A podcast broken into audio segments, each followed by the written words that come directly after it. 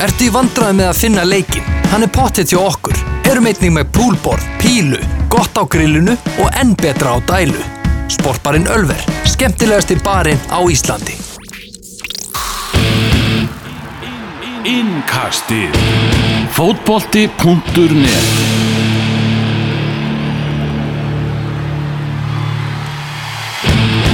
Pávin hefur rámt fyrir sér Messi er Guð, Guð er Messi Það var heldur betur rosalegu leikur í meistaradeildinni í kvöld. Uh, Furðulugur leikur. Við ætlum að ræða hann og ímislegt annað.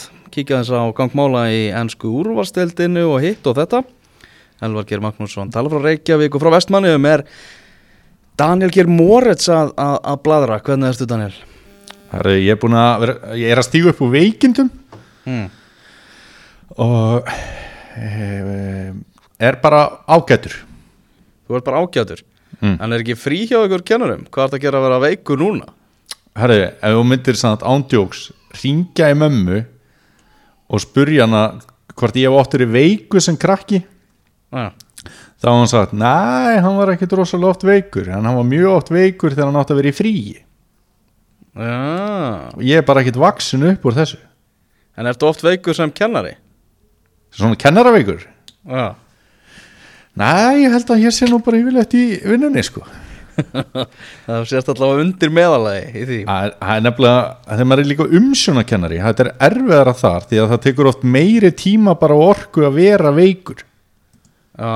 Miklu skil, öðveldar að maður er í mentaskóla eða er í faggreina kennari og svona þá bara skiptir þetta engum máli sko. Já. Heyrðu, byrjum á þessu leik í kvöld. Mm -hmm, Þetta var rosalega skrítinleikur og margir sem að kannski voru að gera eitthvað annað, voru í kröfugöngu enda fyrsti mæi eða eitthvað. Já, óskum verkalínu til hamingjum með daginn. Sem síðan allt í einu bara lítur á úslitin þegar heim er komið og hugsa bara, heyrðu, þetta hefur bara verið algjör gönguferð í garðinum hjá, hjá Barcelona. En svo var ekki raunin því þetta var náttúrulega leikur tveggja frábæra liða og eins furður að það var að segja það þá var Liverpool bara skrampi gott í þessu leik Já, það er bara hárrétt mat. Ég er bara sammála hverju orðið sem þú segir og, og hérna það er mjög skrítið þegar fótballaleiki þróast svona. Mm. ég, mynd, ég myndi nú segja að það væri algjörlega ofsögum sagt að Liverpool hafi verið betra í leiknum. Mm. Barcelona var betra í leiknum en tölutnar gefa ekki mynd af gangi leiksins.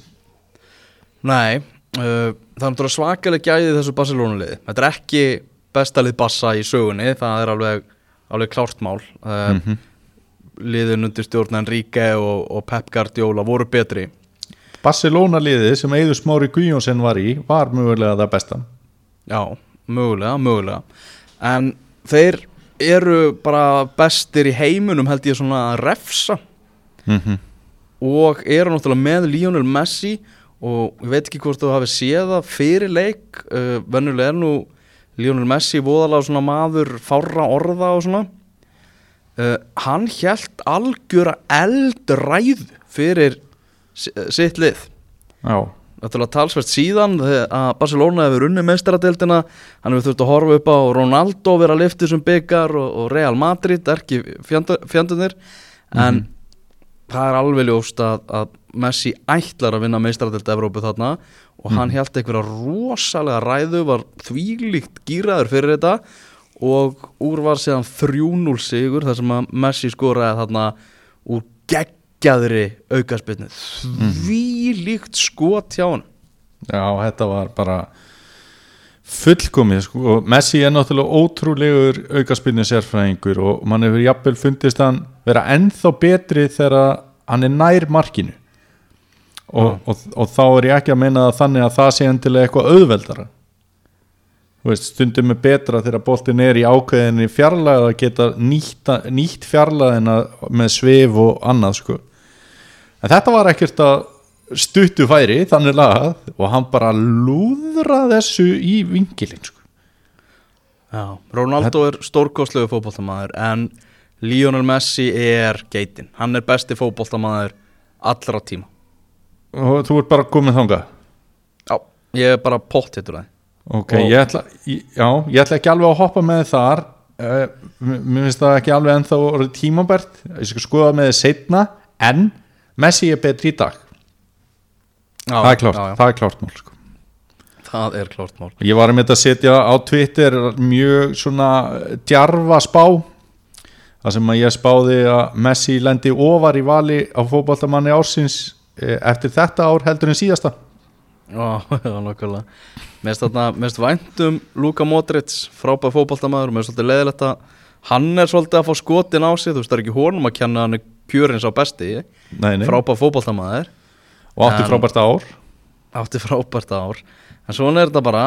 Lionel Messi er sá besti í dag. Já. uh, Annar leikmaður sem er jú besti vinur Lionel Messi Ná ótrúlega vel saman innan sem utanvallar Luis Suárez. Já, hammar mikið í umræðinni í kringum þannig leik og, og fyndi svona, það sýnir svolítið hvernig, hversu blind fólk er á eigin leikmenn. Já, uh, að sjá hann að Twitter menn voru að nota mjög ljót orð bölva Suárez í sand og ösku. Mhm. uh, og svona stundum sem er liðbúl að fatta það að Suárez sé svona gaur sem allir þóliki nema þeir séu samherri hans og séu með honum í liði. Sem er ekkert nýjar fréttir en kannski nýjar fréttir fyrir liðbúl stundum sko mér finnst umgunavert að sjá mörg skrif stuðningsmanna Liverpool eftir leikin í kvöld. Og, og á meðan á leiknum stóð. Og veist, þetta er ekki hérna og veist, einhver svona saman Nasri Adibæjor gæi sem að haga sér eins og fíbl komplett og drullar yfir félagi viðtölum og, og, og, og spilar svona öllu frá sér sem að hann einhvern veginn vann sér hjá gamla liðinu. Fyrir utan það að Luis Suárez miklu miklu betri og vinsætli leikmaður heldur en til dæmis þessi sem ég nefndi á nafn. Þannig að það gleymist að því að hann fagnar og, og, og spilar eins og Suárez spilar í undanúslita leik í meistaradeild Evrópu. Ég, mér, í alvöru, mér finnst þetta bara ótrúlega skrítið, þetta er bara svipa eins og hérna eins og þú hefði farið á netheima og skrifað svona allt í hennu bara um Dimitar Berbatov það að er ekki sjens að ég geri það sko. ef þú mætti velja að maka að gagstaðu kynni þá myndir þú örgulega velja að sama kynni þá myndir örgulega velja að Berbatov. Hann hefur bara heitlað þig bara, hann er upp á fótballtamæðurinn þinn. Ég er komin á skelljarnar komin að skelljarnar og bara þú veist og Suárez var þarna hjá eiginlega öllum liðupúlstöðnismönnum með öllum hans kostum og göllum. Hann er að hérna, eh, ég vona að mikið af þessu hafi verið skrifað í svona hvað á maður að segja, augnablíkinu og, og ekki út frá hjartanu. En mér fannst þessi skrif umkunnaverð mörgver ok, ef við förum aðeins yfir í Liverpoolið, náttúrulega Roberto Firmino uh, sjúkraþjálfarnir sögðu hann er klár í slægin, Firmino sagði ég er tilbúin í þetta. Jörgen Klopp sagði ég ætla ekki að láta þau byrja. Og var eitthvað að tala um það í viðtali fyrir leikin að að það væri, veist, mikið úslita leikin framöndan og hann væri svolítið að dreifa álæginu og, og, og dattarattarattara uh, voru mm -hmm. honum að láta Firmino vera á begnum já, það voru fjóri leikmenn í liðupúliðinu sem átti ekki að byrja í kvöld. Ok, teltu það upp. Uh, Jól Matip. Já, þar átti Löfren að byrja. Ok. Joe Gomez, þar átti Trent Alexander Arnold að byrja. Joe Gomez að mínum þetta slagast leikmaður vallarins í kvöld. Erum við ekki bara sammála um það að Joe Gomez er mjög promising og jafnvel bara góður miðvörður og hann dónýtu bakvörður? Jú, erum við ekki bara hjartalega sammála þar? Allavega hann dónitur þegar hann dónitur þegar anstæðingurinn er á þessu leveli sko. já. Uh, James Milner átti ekki að byrja Henderson átti að byrja. Hmm? og Roberto Firmino átti að byrja og veist, langar þá eiginlega meira að taka í þessum leik keita út úr liðinu heldur en Vænaldum en eh, undir mörgum öðrum kringustæðum hef ég kannski tekið Vænaldum frekar út úr liðinu. Mm þannig að ég var einmitt hérna, með Liverpool félaga mínum sem að hérna, horfði með mér á leikin og hann sagði mér að liðin væri komin og eitthvað og við erum rosa spenntir að býða eftir þessum leik. Og þegar ég sá byrjunarliði ég var bara fyrir mjög miklum vombrið Er Klopp að leggja aðal áherslu ennþá á deildina? Þá veiku von að vinna deildina? Sko eða var hann að hugsa um að ná jafntefli en þú veist hver er pælingin á bakvið þetta? Ég held að pælingin hjá Jörgen Klopp sé klárlega að hann velji lið sem hann treysti til að koma sem best út úr þessum leik og jafnvel vinnan Já, það hlýtur að vera, hann er alltaf að hugsa þannig. Ég meina. Jörgen, uh, Jörgen Klopp hefur aldrei tapað tveggjalegja einvíi sem stjóri Liverpool. Æ. Hann hefur aldrei Nákvæm- gert það og hann er ekki búinn að tapa þessu en allt af því. Þetta er rosalega svart en hérna, ég skil ekki þessa liðs uppstillingu ég Bara bara, aldum hann svona einhver fölsk nýja í, í þessar uppstillingu? Akkurat og hérna það, er auðvelt að segja eitthvað svona því að Liverpool var ekki ömulegt í leiknum þó úslitin séu ömuleg Þeir voru bara klaufar að skora ekki í svona leik. Já, og sérstaklega Mo Salah þegar hann skýtur hann í stöngina eiginlega bara algjöru döðafæri eh, James Milner hann fekk eitt skotfæri þar sem að hann mætti boltanum ekki. Og veist að boltin svona rúlaði að honum hann skaut svona nokkur laust í fjærhóttnið og svo fekk hann náttúrulega dauða færi þegar boltanum er rent fyrir markið og hann kemur í setni bylginni og á bara ömulegt skot.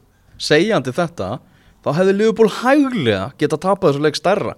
Og skyndisóknirnar hann voru bara algjöru auðlar Barcelona í, í lokin. Sem leikur hefði vel geta farið 4-0 sko. Hvernig fannst þið síðasta spilna leiksins hjá Dembele? alveg hrikaleg og einhvern veginn svona bara þú veist bara þvílíkt heppin Dembele að hann flautaði bara strax til leiksloka þannig að svona það var ekki mikið verið að spá í þessu og var bara svona þetta búið og verið að sína eitthvað viðbröð sko. Einmitt. þannig að þetta var svona hún svona kvarf aðeins undir radarinn en vá hvað hún var ömurleg sko. Algjörlega ömuleg og mér finnst hérna sko mér finnst alltaf og ég, við höfum oft sagt það í, í þessu spjalli okkar að við erum svolítið svona hliðhóllir ennsku liðunum og um, Suárez er leikmaður sem að fór eðlilega alltaf í tögarnar á mér þegar hann var í ennsku úrvasteildina því hann var ekki í mínu liði Mm. um, það er engin eitthvað stemning hjá mér bara yes, Barcelona vann Liverpool 3-0, djöfulsinn snild eitthvað, þó að ég haldi með Arsenal. Mm. hvernig heldur þú þú veist, nú erum við aðeins búin að ræða þetta svona, þessar súaris tilfinningar og einhverju leiti skiljanlegar og mörgu leiti galnar. Hvernig heldur þú að svona, ef við reynum að setja okkur í, í spór Liverpool stuðnismannsins, hvernig heldur að þeir séu stemdir eftir hennar leik ég held að þeir séu voðalega pyrraðir og búinir að leggja afrar í bát. Já, og ég held bara að þeir munu blóta Luis Suárez í sand og ösku samfleitt svona næstu þrjáta jafnvel þrjú ár. Jafnvel sko, jafnvel. Já. Miða við Þetta- að vera skrifin og svona. Já, hann náttúrulega var búin að segja það fyrir leikin þá sagði hann að þarna hann var rosalega þakkláttur Liverpool fyrir það sem að Liverpool gerði fyrir sig á sínum ferli. En það er það allt glemt og grafið þegar í leikin var í komið. Það væri, við höfum talað um þetta svolítið áður. Þú veist, það var að tala um að ekki fagna af virðingu við fyrrum samherja ef þú skorar Já. á já, uh, bara fagnaðu af virðingu við núverandi Já. sko. Að ég, við, við erum, höfum alltaf verið sam, samstíga í þessu. Já, og hérna annarkvort ertu bara í einu liði eða öðru mm og svo getur þú líka verið faglegur eða ófaglegur. Já, já, náttúrulega rosalegasta fagn fótbolta söguna líku við er þegar Ati Bajor skoraði fyrir Manchester City og móti Arsenal og hljópi yfir allan völlin rendir sér fyrir framann stuðningsmennina og baðað út höndunum gersamlega trilltur sko. þú vaknar ennþá í svita köstum á nóttunni þegar dreymir þetta atvik Nei, ég gerir það ekki, núna finnst mér þetta dálítið fyndi sko og líka bara út af því að hans ferill fór aldrei á flug eftir að hann fór hjá Arsenal sko, þannig að maður getur svona að hugga sig við það. En þú veist, ef ma- maður hefði átt við hérna Ati Bajor treyju þá hefði þetta verið fyrsta skipti sem að ég hefði íhuga að kveika í gammalli Arsenal treyju sko. Ah. en viðbröðin hjá Liverpool stuðnismunum eru svolítið eins og Suárez hafi bara gert þetta já, já, skil fannst þér, hann, fannst, fannst þér hann dónalegur í þessu leik við Liverpool eða Liverpool stuðnisfólk Luis Suárez spilaði bara nákvæmlega eins og hann spilar alltaf. Meðan þannig jafnvel bara hlétræðari heldur en maður hefur séðan í sömu leikjum sko. við höfum alveg séð Suárez ganga lengra heldur en hann gerði í kvöld. Já, já. Þarna- með dífum og rullum og, og tutti og, og tuði og, og veist. Já, já.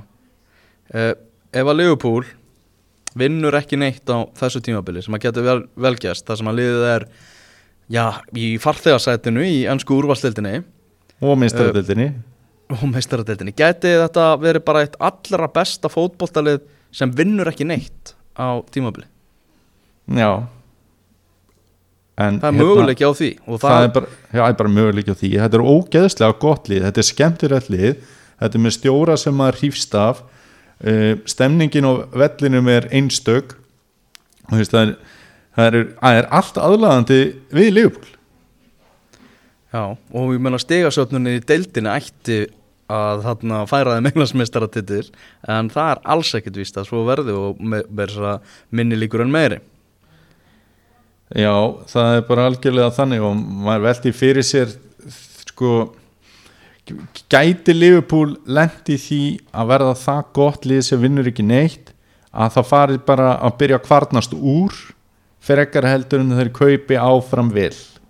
Ég held ekki, ég held að þarna, ég held að með þess að Suárez að svolítið vera að tala um þetta munin á Liverpool í dag og Liverpool þegar hann var í Liverpool sko.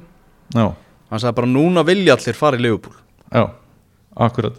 Það Og er Liverpool- bara einhvern veginn búið að búa til það mikla og spennandi og skemmtilega maskínu að, að bara núna greinlega eru svona stærstu nöfnin alveg að tala um það, djúvel væri sexy að spila fyrir Liverpool sko. Algjörlega og við erum náttúrulega að sjá upp að þeir líka eins og fór í Keita, Fabinho, Alisson, Van Dijk og veist, svona upp að þeir voru ekkert að fara í leikmenn hjá Liverpool þegar Suárez varðar sko. Nei, nei. Uh, annar punktur sem ég skrifaði neður hérna úr leiknum mm. Mark André Ter Stegen. Ég hef rætt að áður að finnst ósangjant að hann kom aldrei í umræðinu um besta markmannin Mm bara besta markmann heims í dag. Ég ætla bara að segja það, mér finnst hann besti markmann heims í dag.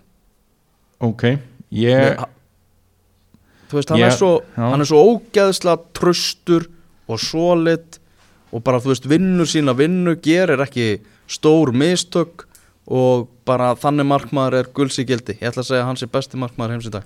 Hann er náttúrulega líka fótbolta heili. Mm hann hérna, skilur fótbolta ógeðslega vel og er mjög fljótur að koma boltanum í leik og, og hérna e, við sáum það bara í mörgum hraðaupplöpum Barcelona í, í leiknum í dag hvað hann kastar boltanum eða sparkar og háréttan stað og háréttan tíma þegar leikmenn Barcelona eru búin að reyfa og, og, og leikmenn Liverpool eru búin að reyfa sig ákveðin hátt. -hmm.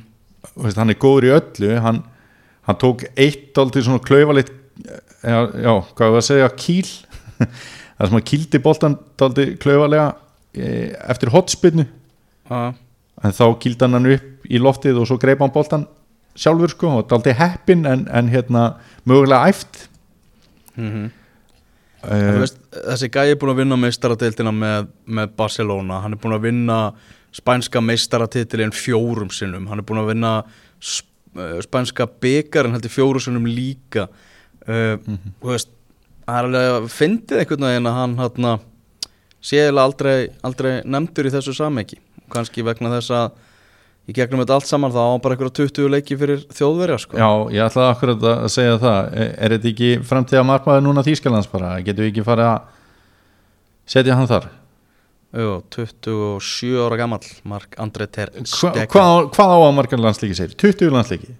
Þannig á 22 þetta er náttúrulega sko, miða við gæði þá er þetta náttúrulega galinn tala og við höfum nú séð þetta áður hjá þýskum markmönnum ég menna að þú pælir í hvernig hérna, Jens Lehmann var á sínum tíma og hann átti aldrei landsleik við höfum séð þetta, við höfum séð þetta með hérna góða markmenn og íslenska mælikvarða. Ég menna hvernig heldur það að verið að vera góðu markmaði þegar Árni Gautur og, og Birki Kristins voru markmenn Íslands?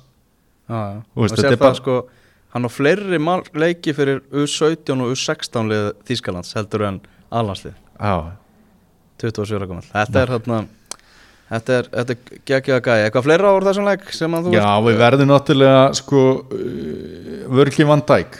Já, uh, þá fannst mér hérna í fyrsta markinu uh, þá kemur frábær sending hjá Jordi Alba og Suárez skorar. Og ég ætla ekki að fá með fíknefni og halda það fram að hann hefði átt að koma í vekk fyrir markið en hann, hann gerði samt svona ballwatching þú veist, hann, hann hérna, tók ekki almennilega eftir hlaupinni og Suárez og hann brást enga veginn við. Þa, það var meðanst það mjög sérstakt að sjá Vörgjumanda að gera það Mhm. og auðvitað var þetta frábær sending og frábærlega klárað en hann einhvern veginn svona já, hann fær svona boltastöru sko Mhm. og svo líka hérna, hefði maður oft séðan með svona meira harðfylgi þegar boltin fer í slána og Messi nærunum hann er einhvern veginn svolítið á eftir þar líka Leikmaður ásins í ansku úrvastildinni hann átti ekki sem besta leik í kvöld. Hann átti ekki sem besta leik en veist, hann var ekkert eitthvað umurlegur og, og, Langt hérna- frá því svona, Það eru að tala um bara svona standardin sem hann er sjálfur búin að setja Já, ég, ég er algjörlega að tala um þetta út frá því að því að hérna, það sem ég á við þrátt fyrir þessa sendingu hjá Alba og hvað í raun og veru Alisson var líka ósamfærandi þegar Suárez síðan klárar hann hendi sér bara einhvern veginn svona bjánulega niður tekur eitthvað svona sjens í staðin fyrir að gera sér breiðan mm. að þá hefði það ekkert komið manni óvart ef Van Dijk hefði bara bjargað þessu marki Mhm. þó að maður geti aldrei sett þess að kröfur á hann og, og hérna, er alls ekki að halda þið fram að þetta sé honum að kenna en að sjá hann samt verða svona já, með boltastöru það, það hérna mér finnst það bara áhugavert að því að það er eitthvað sem að hann er svo sannarlega ekki þekktu fyrir. 3-0 enduðu leikar Liverpool í vondumálum það er eiginlega nánar þetta setja staðfest fyrir hann við það að Barcelona verði í úrslita leiknum. Og það er spurning hvort við fáum hérna Total Football úrslita leik bara þar sem að eh, Ajax vann Tottenham 1-0 í gær á útivelli á þessum geggjaða velli sem að Tottenham á. Engin Harry Kane, engin Son hjá Tottenham þannig að það var nú vita mála að þetta er svolítið erfið, erfið náttúrulega Fernando Lorente hann er alveg brúkafur í margt og, og, og svona drúur á margan hátt en hann er ekki brúkafur í að leiða sóknarlínu í undanúslitum meistaradeildarinnar ekki eins og staðan er í dag. Herru, ég ætla samt að koma eitt með Lórendi mm. Hann gerði allt sem hann átt að gera. Það var bara eins og leikmenn tóttinam kynni ekki að spila með honum. Mm. Veist, hann, hann var að vinna skallaboltana þarna frammi. Hann var að fá boltan í fætur og hann var alveg að reyna að meðan slú rendi ekki lélugur í leiknum í gær. En einhvern veginn samherra hans höfðu nákvæmlega sömu trú á honum og ég já, þetta var aldrei þannig. Og, hérna, og, og jafnvel ég líka því að hann komst betur frá þessu bara svona persónulega eh, heldur en ég átti vona á en, en þá bara miða við hvernig fótbolta tóttina vill spila að þá veikt hann líðið að sjálfsög mm veist, Son og Harry Kane eru miklu betri heldur en Fernando Llorente en mér fannst hann ekki eitthvað lélegur í leiknum í ger ok leikmaður sem var langt frá því að vera lélur í þessu leik, Frankie de Jong. Já, sem er á leiðinni til, eh, til Barcelona. Tók alltaf réttar ákvarðanir og síndi það að hann getur léttilega að opna varnir anstæðingana það er, Barcelona er að fá einn gúrmeleikmann í sína ræðir er bara ekki spurning algjörlega frábær og mögulega maður leiksins í ger á, ásand bara enn og aftur matast í og Tóttina var, var svolítið svona stressað eitthvað, hann var lengi gang. Mér fannst upplegg tóttinam í þessum leik rámt að hvaða leiti að byrja, bara hérna byrjunarliðið að byrja með þrjá hafsenda. Okay. og ég hefði viljað sjá þá bara gefa meira í og vera bara svolítið meira tóttinam þeir voru náttúrulega einhvern veginn að reyna að breyðast við því að vera ekki með Son og ekki með Kane og Musa Sissoko sem að er allt í einu orðin bara já, einna mikilvægastu leikmennu tóttinam, hann er hérna, komið mjög framarlega í liðsvali hjá þeim og það var breyting á leik tóttinam eftir að hann kom inn á bara með sinn springi kraft og í raun og veru kjark og þór sem að hafði vantað í tóttinan liðið þangað til að, að hérna, hann kom inn á þó að það hafi verið nokkuð snemma. Ég heiti Bygga Ólafs, formann já, bara svona rétt koma því að hann var að tala um það bara svona innan raða Tottenham, meðal Tottenham stundismanna þá voru menn að tala um sér Soko sem leikmann tímabilsins mm. ég er bara ekki tissa á því. Já. og hérna ég færi kannski frekar í, í, í annarkot miðvörðin þar að Ég segja fari í son sko. Já. Mér finnst bara hérna uh, Aldir Væreld og Fertongen kom, koma til greina í lið ársins fyrir mér í ennsku Mm. úrvastildinni en Son gerir það ekki veist, ég er að ho- horfa aðeins út frá því. En mis, Já. ég, ég hérna Sissoko er hérna hann er komin bara nummer tvö hjá mér í hérna treyjuleiknum ef maður á að spá í tóttinam Já, þurfum að fara í handbróðum áttur hérna, Son er hérna, ennþá nummer eitt og, og hérna e, já, hann er að já, mér fannst bara upplegi hjá Tottenham, þú veist að alltaf spila með Lorente en gera það samt ekki almennilega og þetta þryggja hafsenda dæmi og svo verðum að reyla minnast á það hvaða gjörsamlega rugl var í gangi að, að detta það í hug að setja fært hongen aftur inn á. Eftir ekki eftir höfuhöggi Ó, þú, hérna, og veist, hann kunni ekki kennitöluna sína og það blætti bara mjög mikið úr honum og þetta var svo mikið högg ég, mér finnst að við um að vera komin eitthvað lengra heldur en þetta að, að, að það sé bara einu sinni hugmynd að setja leikmann inn á eftir svona rosalegt höfuhögg mm uh, Talandi með, eða mitt um Vertónger Það var nokkuð ljóst að hann að Ég held að það sé bara staðfest ég, að hann spilar ekki með gegn Bormóð þá laugadaginn þar sem að hann er bara ennþá í skoðunum eftir þessi höfumeðsl sko. mm ég er ekki hissað á því. Þannig að ég, að, mér finnst ég að líklegt að við séum bara búin að sjá síðasta leik hans á tímabilinu sko. Já, það er möguleik á því en það ekki mikið eftir að tímabilinu þetta hljómar svona eins og sex mánuður en, en hérna eru bara örfáið dagar út í það er farið Tóttunum hefur nú áður í þessari keppni verið með bakið upp við vegg og náða að snúa því sér í vil þannig að við útilokum nú ekkert fyrir setjanleikin Já, bara algjörlega ekki sko. mm -hmm. og þeir voru hérna sko hvað, þeir unnu mannstu sitt í fyrirleiknum á sínum heimaðalli Mm og mér fannst þeir í erfiðari stöðu þá heldur mér finnst þeir endilega núna.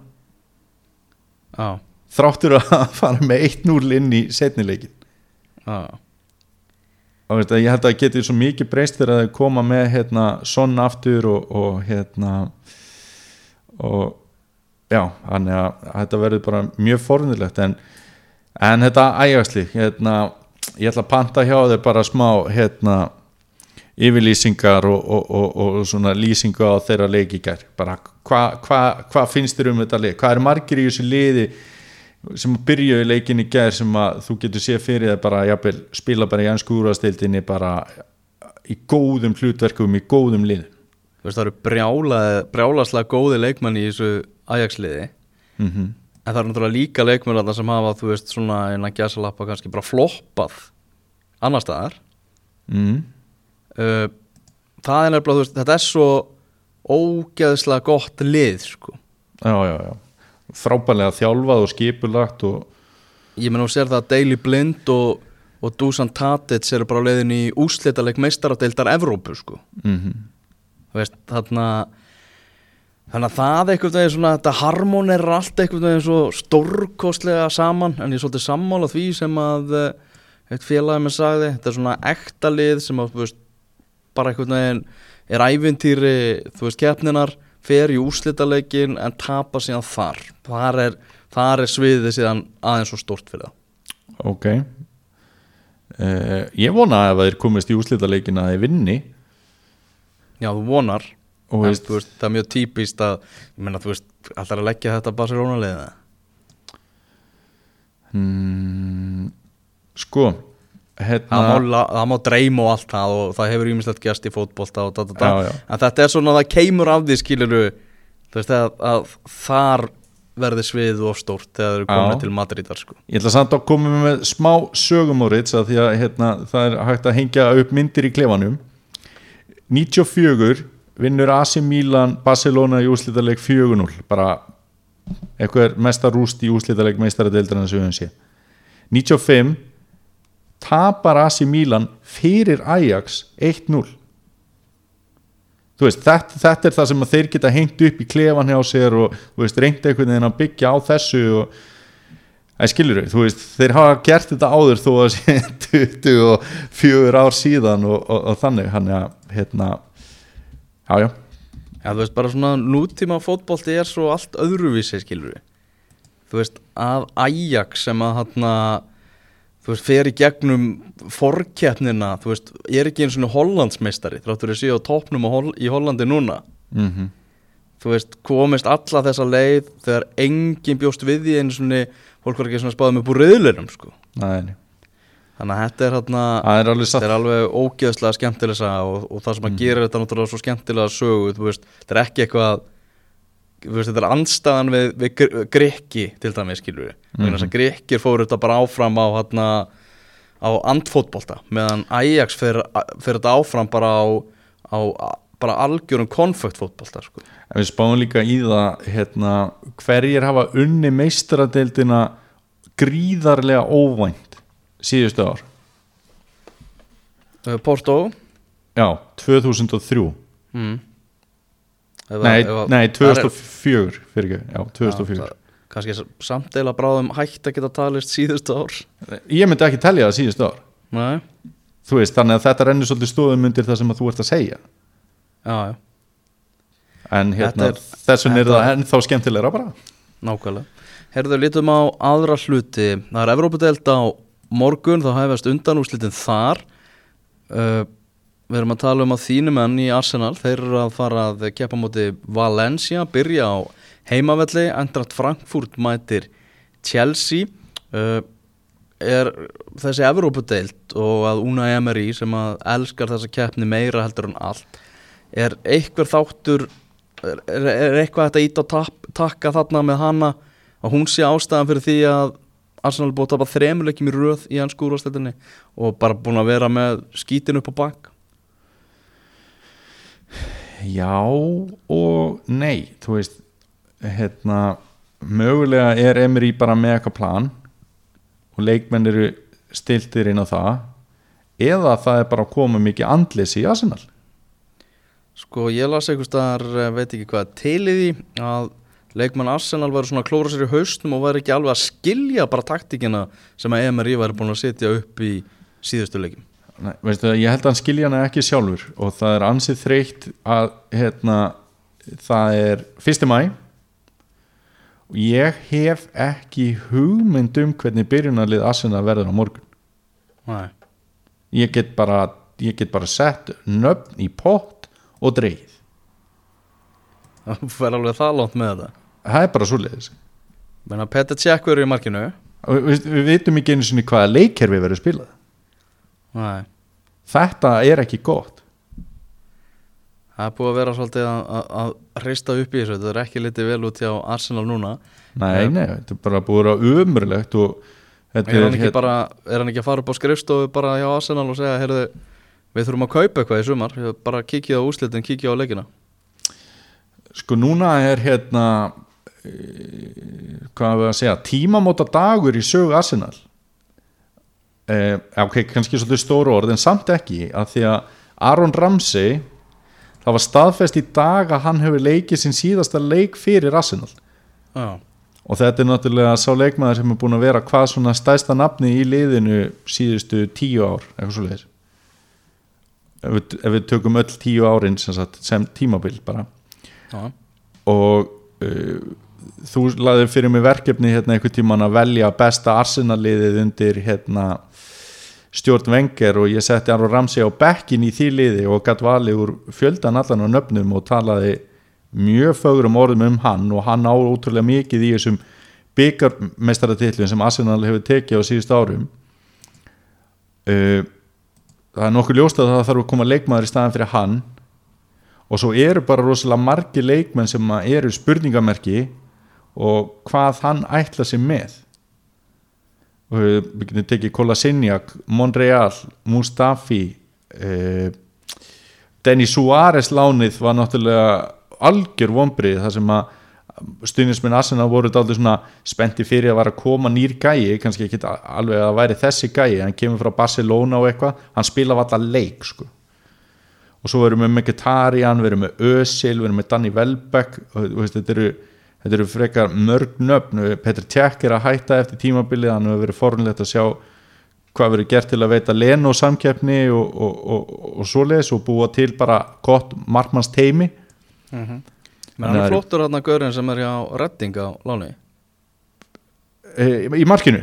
Já, Já, hann er mjög flottur og hérna og svo er náttúrulega líka eins og Rob Holding sem er mögulega okkar besti varna, eða miðvörður bara orðin í dag, hann náttúrulega kemur úr meðslum, Arsenal er að býða eftir honum. Og ég er ekki að tala, það er ekki grínistinn sem er að tala að hann sé einn af bestu varnamennum Arsenal, hann er það, hann er bara ógeðslega góður. Og hérna það eru ansi mörg spurningamerki sem að hérna sveima yfir Emirates leikvangnum í London sem að veru fórnlegt að sjá hvernig mun spilast úr. Er ekki vombrið þú veist að MRI er núna að klára sitt fyrsta tímabil að spurningamerkin séu svona mörg? Nei, ég held að það sé eðlilegt. Eðlilegt að þau séu svona mörg. Á hann ekki vera eftir fyrsta tímabilið alltaf með aðeins færri? Nei, og spá bara í hvað hann fær af leikmönnum í sumar. Og veist, hann fær Leno hann fær Líktsteiner í einhverju gríni og veist, lítil áhætta, kemur ókipis og hann kemur Torreira og Guendouzi sem að báðir hérna, hafa heillað Mm. þetta tekur bara smá tíma sko. já, Og- það þarf að sína sínunum þann tíma Já, það er að sína honum þann tíma og hérna og spurningamerki voru bara rosalega mörg áður en að hann tekur við. Til dæmis með Mkhitaryan og Özil við tökum bara þá. Og náttúrulega með Ramsey líka sem að er núna búið að svara og, og svarið var náttúrulega ekki Arsenal í hag nema að það verði gert eitthvað alvöru dæmi, það er náttúrulega á- ágætis launapakki að losna þar og, og, og stórt hlutverk sem að leikmanni getur verið lofað hjá Arsenal.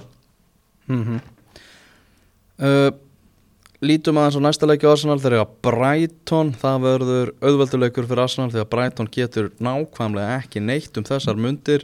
Hjúton, að mínum að búin að gera frábæra hluti með Brighton og hann er komin á endastöðu með þetta lið. Hann kemst ekki lengra með það og það þarf ferska vinda hjá Brighton.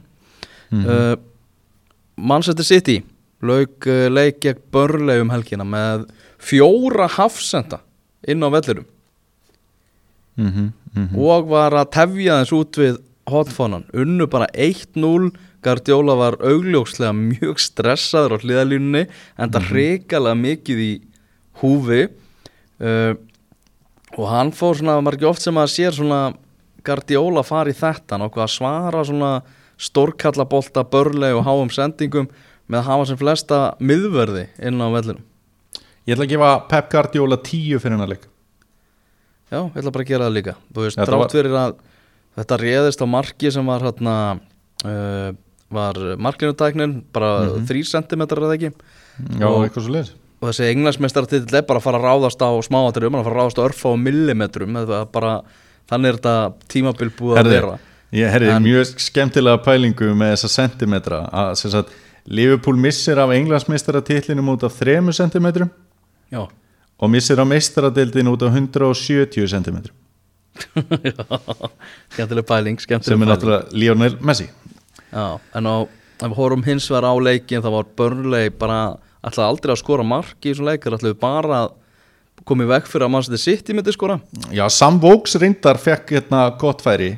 Já, kom óvand upp. og fór illa að ráðu sínu en það hérna, ekki flinkastur í löpunum. En sko, já, en Manchester City átti sann að fá vítaspilnu veist, Já, í, stöð, í stöðunni 0-0 Já, já, klárt maður Þannig að þú veist, Sigurinn var alveg eins verðskuldaður og þeir verða. Það hefði verið algjört rán, hefur ekki tekið þrjú stigur svo leik með hvernig það spilaðist. Al- algjörlega samanlega því og, og hérna, en þetta er samt veist, það er svona leikur sem að er, þú veist, Liverpool Krista Palace 2014 þú veist, þetta hefði geta verið akkurat svoleiðis leikur en Pep. Guardiola lokaði hann bara og þetta var ekki þannig leikur Já, já uh, Þar er náttúrulega heldur þessi barótt áfram uh, Þú sást náttúrulega Lester rull yfir þína mennu daginn Geta þeir sett eitthvað stein í, í veg Manchester City City á, á Er ekki Lester í næstu umferð? Jú, það er á heimavelli Manchester City Já, á mánudaginn, 7. mæ Já, og hérna ég hef uh, sko Lester var ótrúlega flott á móti Arsenal mm.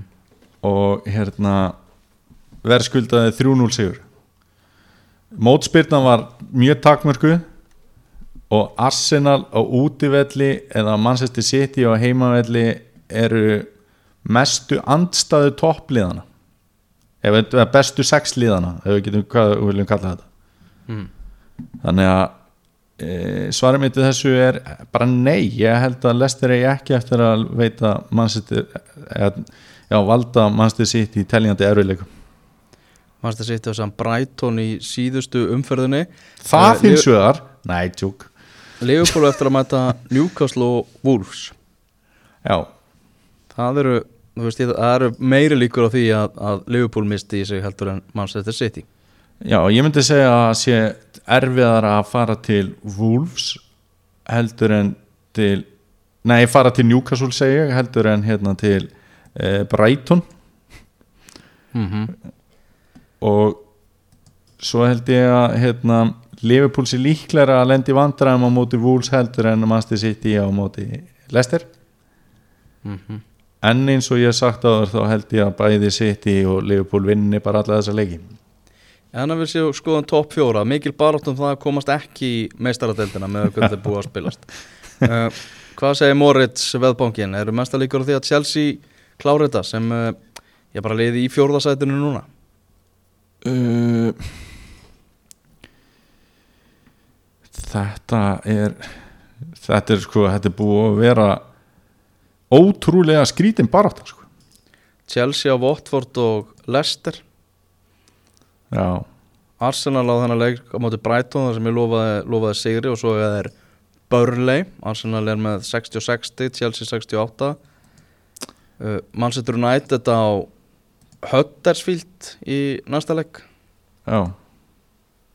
Og í lokaðum fyrir náttu þeir hverja áttur þeir áttu uh, Þeir eru á Cardiff. Sem að verður fallið þá.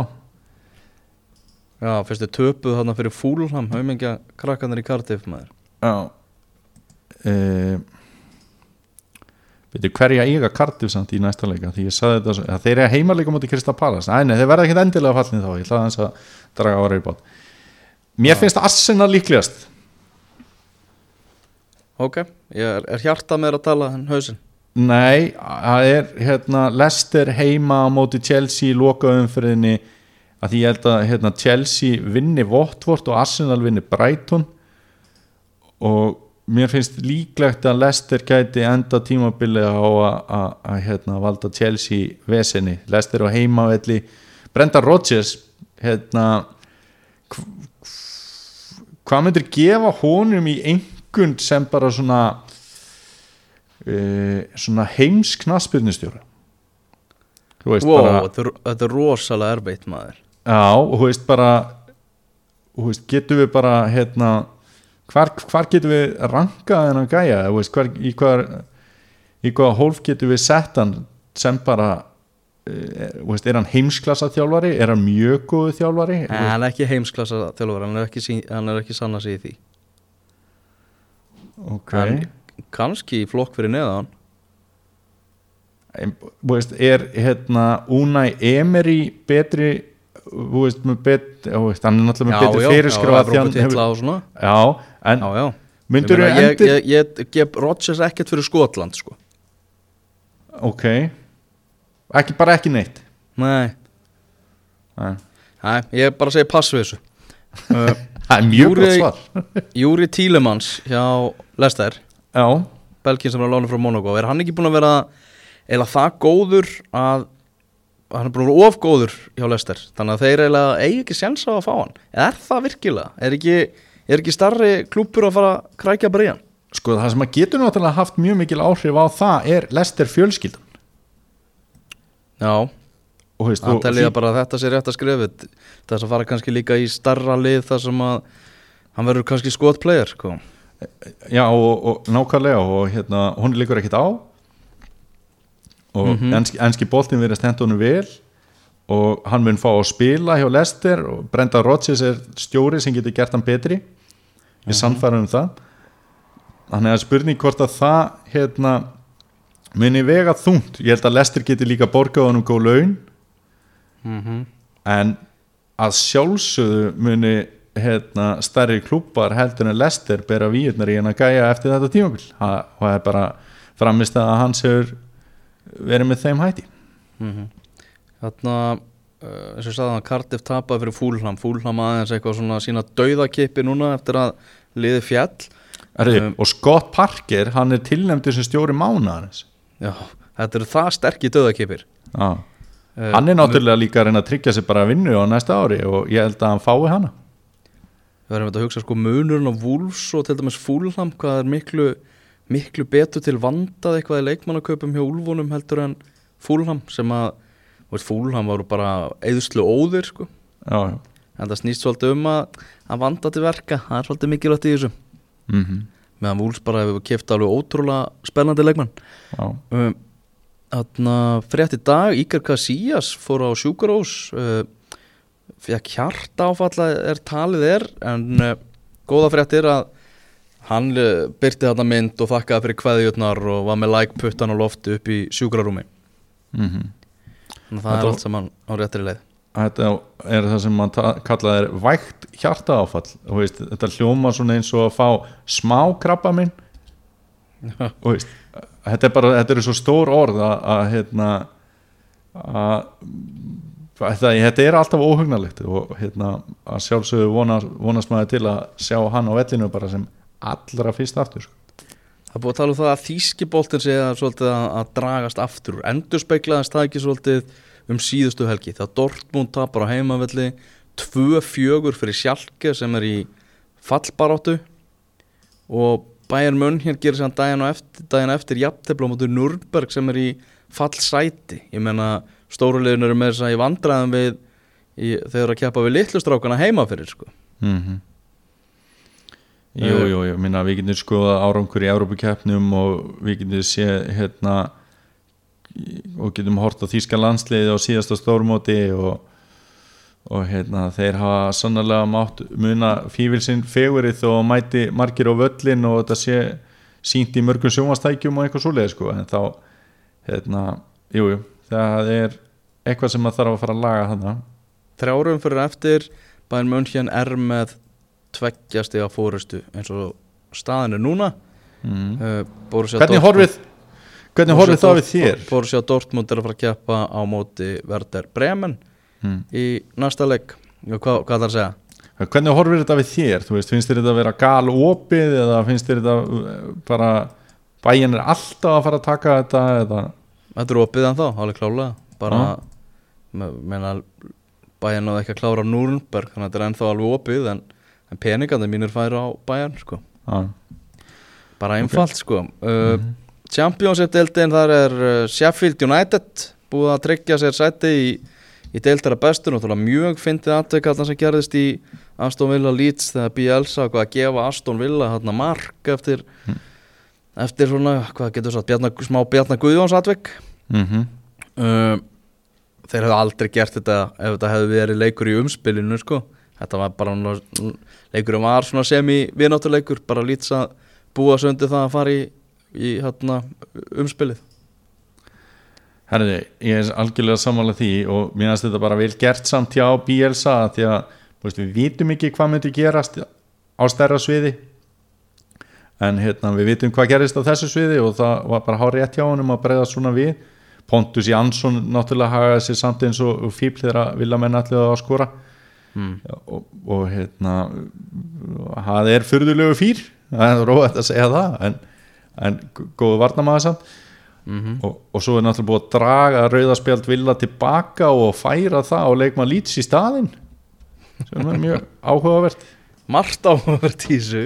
Og hérna uh, en það sem að er daldið sérstakt að fyrir loka umferðina Sheffield United getur orðið deildamistari Já, þeir eru með betri markatölu heldur en Norvits og það munar þremur stegum það skipti það einhverju máli já það er, það er stórt að vera að vinna Championship-deildina Já, já, þegar hólminu komið þá er bara stærstu velun er að spila í, í Premier League sko. og síðan er það annað sem að getur gæst sem að ég held að, að Leeds vilji alls ekki að þeir geta lent í fjórðasæti hmm. Sem þýðir að þá myndi þeir mæta Aston Villa í undanúsliðunum Já, og Aston Villa er heitasta liði í deildinni. Já, líklegast til að, til að fara upp. Já, það er nefnilega Vestbrom með þremur stigum minna en Leeds og betri markatölu. Það er eiginlega sama staða í fyrsta og öðru sætinu og þriðja og fjóra sætinu. Mm uh, Timo Pukki Finninn, hann var valin bestileik með Championship deltarinnar í vettur og Max Aron sem er ungur uh, bakvörður í Norvits mjög spennandi leikmaður. Þannig að Norvits tók, uh, hann var valin besti ungi leikmaður þannig að Norvits tók þetta. Uh, þráttur að svona margir segja oh, skýtfuglarnir komnir aftur upp og svona þá er Norvitslið meira spennandi heldur en það hefur verið í þó nokkuð tíma, það er þýst yfirbræði yfir þeim, þýskur þjálfari og, og, og slatti af þýskum leikmönnum, þannig að þeir eru með svona kannski öðruvísi enkenni og svona aðeins meira spennandi heldur en þeir hafa verið í síðustu skipti sem þeir hafa kíkt upp í, í sko, úrvarsleik mér er samt sko þegar þú byrjar að segja Norvits svo spennandi þá er ég bara, ég ætla ekki að kaupa þessa ríksugu sem Elvar er að reyna að selja mig sko. Norveits Riksugan, hún er til sölu hér Já, í ég, engastinu mér bara ég drullu fúll yfir að þessi tvö félög séu að fara upp og hérna væri til ég að velja það svo allt öðru sig en hérna skemmtileg sölur að hjá þið samt og mögulega voru einhverjir sem að, er að hlusta sem að þetta hjá þér en ég varst ekki um að sérst að fara með rétt mál en þú skilur samt hvað ég á við veistu, við hefðum Já, viljað fá já, bara Aston að Villa ég er beint sjá- upp eða, eða Leeds beint upp og, og, og hérna Middlesbró eða Derby County eða eitthvað og, veist, þetta er miklu skemmtilegri félög. Já. Eitthvað að lokum annars í Evrópu engastinu þessu sinni Daniel? Herri, það er nú kannski bara við varum að taka smá Íslandshot Já, Var það byggarkjarnin í dag. rétt í lokin Já, þú skellt þér á leg IPVF uh, lagði byggamestara stjörnunar það er náttúrulega hvenar gerðist það síðast eða hefur það gerst að Íslandsmeistarar og byggameistarar detta út í 32 leið úslinu byggasins Já, nokkur á það, sama daginn og bara sama með og einhverju mínútu millibili sko. á, þetta var hérna mjög áhugavert. IBVF hérna þetta, þetta hljómar mjög klikkað sem ég ætla að segja en ég er samt að meina það á sinn hátt, ég vona fólk sitja í samhengi það sem ég er að meina. Uh, ég horfði að fylgir IBVF IBVF fylgir hérna um daginn. Mm. og svo horfði ég á, á Liverpool, eða Barcelona Liverpool í kvöld. Þetta var áþekkt þar að segja. Bæði, bæ- hérna, leikinni fóru 3-0 fyrir öðru liðinu. En leikurinn var miklu jafnari heldur en tölutna sögðum þannig að ég, fó, ég fór heima eftir hennan leikum átti fylki og var bara svona aðja, þetta var nú ekkit alls slæmt. Það voru samt að tapa 3-0 á móti fylki. Þú veist, þetta er lið sem er á svipum eru hérna, var spáð á svipum slóðum. Þannig að ég mætti bara svona nokku hérna spenntur að, að það alltaf gaman að fara á byggarleiki og svona. IBF voru bara flottir í þessu leik. Já, ég efast ekki um það þegar þeir ná að vinna hérna stjörnunar sko. Já, mér varst reyndar hérna liðs uppstillingin á Rúnari Páli e, sína vannmatt Ok, og það er oft þegar, að, hann ringlaði svo mikið í liðinu frá því hérna í síðasta leik á móti Káir og þegar þú sýnir vannmatt þá ertu líklega til að tapa. Mm og hérna uh, útlendingarnir sem að, að hann Petro vinnu minn ok þeir sem að sá viðtalið sem ég tók við hann vita hvað ég á við. En hérna vinuðinn að kæsalapa að hérna útlendingarnir sem að hann fekk fyrir þetta tímabil þeir eru, þeir eru alvöru leikmenn.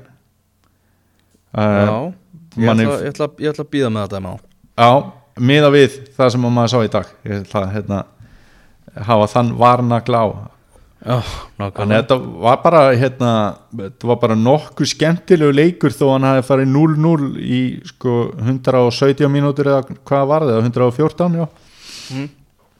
og hérna bara Ég fór hins vegar á stórskemmtilega leik í mjölkubyggarnum í dag þegar Mm. fylgir mætti gróttu í árbænum herru, ég er bara búin að vera að lesa Facebook statusa bara frá fólki og, og bara allstaðar á landinu sem að datt fyrir fram að sjónvarpið og horfið á þetta.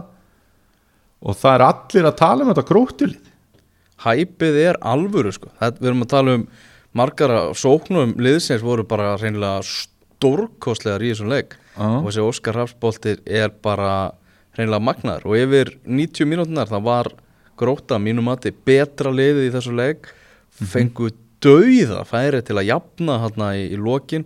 Og þetta er bara sko, þetta er þetta er lið til að mæta á í, í sumar, fylgjast með. Var, Já, var ekki þetta- líka hérna, fórna kostnaður spilamennskunar hérna, sem átti sér stað þegar maður getur orðað það þannig?